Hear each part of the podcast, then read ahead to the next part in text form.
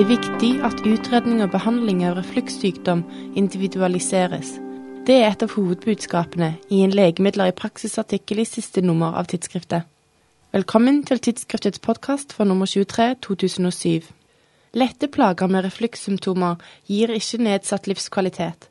Men hvis gastroøsofageal reflukssykdom ikke blir behandla, kan det føre til betydelig sykelighet. Første forfatter, Isak Esilfi, forklarer hva dette er, og konsekvensene av mangel på adekvat behandling.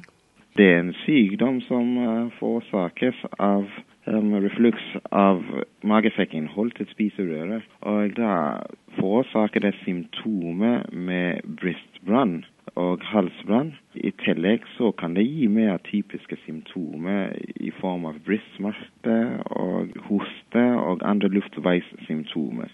I verste fall, hvis dette ikke behandles, så kan det føre til um, svelgproblemer pga. stikturøsofagus. Det kan også gi skade av tannemaljen, og i verste fall til dysplastiske slimhinneforandringer i spiserøret, dvs. Si få stadier av kreft. Dere sier i artikkelen at det finnes flere metoder for å stille diagnosen. Kan du forklare litt om disse, og finnes det en foretrukken metode? Det er slik at um, sykdommen i seg selv har et spekter av symptomer. Slik at vi har forskjellige metoder for å utrede det. Og det er avhengig av symptomene pasientene har, alder, og om de ønsker dekning av utgiftene til behandlingen. Og det er slik at vi kan bruke en nøye utspørring av pasientene anamnesen, men det har litt dårlig Det har en dårlig sensitivitet, men en ganske fin spesifisitet. Man kan også forsøke en empirisk behandling med protonpumpehemmer i ca. fem til ti dager, men her er også meningen delt i forhold til hvor effektiv dette er. Gastroskopi kan være med for å vurdere slimhinneskaden. Og um, undersøkelsen er indisert hos um, de som har hatt langvarig reflukssykdom. Men det er slik at uh, det fanger opp til bare 50% av pasientene. Og så er det en 24 timer pH-måling vi kan utføre, der man kan sette en kateter med en pH-måler i spiserøret.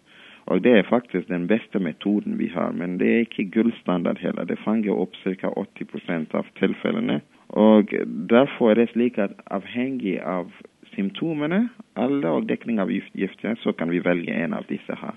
Lette reflukssymptomer pga. kosthold og som ikke går utover livskvaliteten, er svært vanlig, men dette kvalifiserer ikke for diagnosen reflukssykdom. Hvis reflukssykdom er diagnostisert, finnes det flere behandlingsmuligheter, alt etter hvilke symptomer pasienten har. Da har vi livsstilsråd vi kan gi. Da skal man i hvert fall gi det til alle at de skal unngå refluksogene mat, dvs. Si mat som øker refluks, f.eks. kaffe og sjokolade. De skal ha fettfattig kost. Vekten skal ned hvis de er overvektige. Og i tillegg så kan man bygge opp hodeenden av sengen på kveldene når man skal sove. Og disse rådene skal man gi til alle som har reflukssykdom. I tillegg er det medikamentell terapi. Det er slik at medikamentellterapien bygger på syrehemming i magesekken. Og Da er det flere forskjellige medikamenter som kan brukes, bl.a. antasida og alginate, som har veldig raskt innsettende effekt, men veldig kortvarig effekt. De kan brukes til milde symptomer. Mens vi har H2-blokkene, som har også rask innsettende effekt, men virker lengre. De kan virke opptil en ni timer og de kan brukes hos de med moderate symptomer.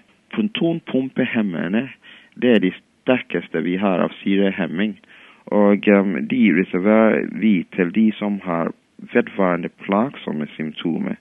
Dere nevner òg kirurgisk behandling som en mulighet. For hvilke pasienter er dette aktuelt, og hva går det ut på? Kirurgi er et alternativ til uh, yngre folk som har ikke ønsker om å bruke medikamentell terapi i lengre tid, de kan få tilbud om kirurgi. Behandlingen bygger på å øke basaltrykk distalt i øsofagus, dvs. Si å øke svingtetrykket i distal øsofagus.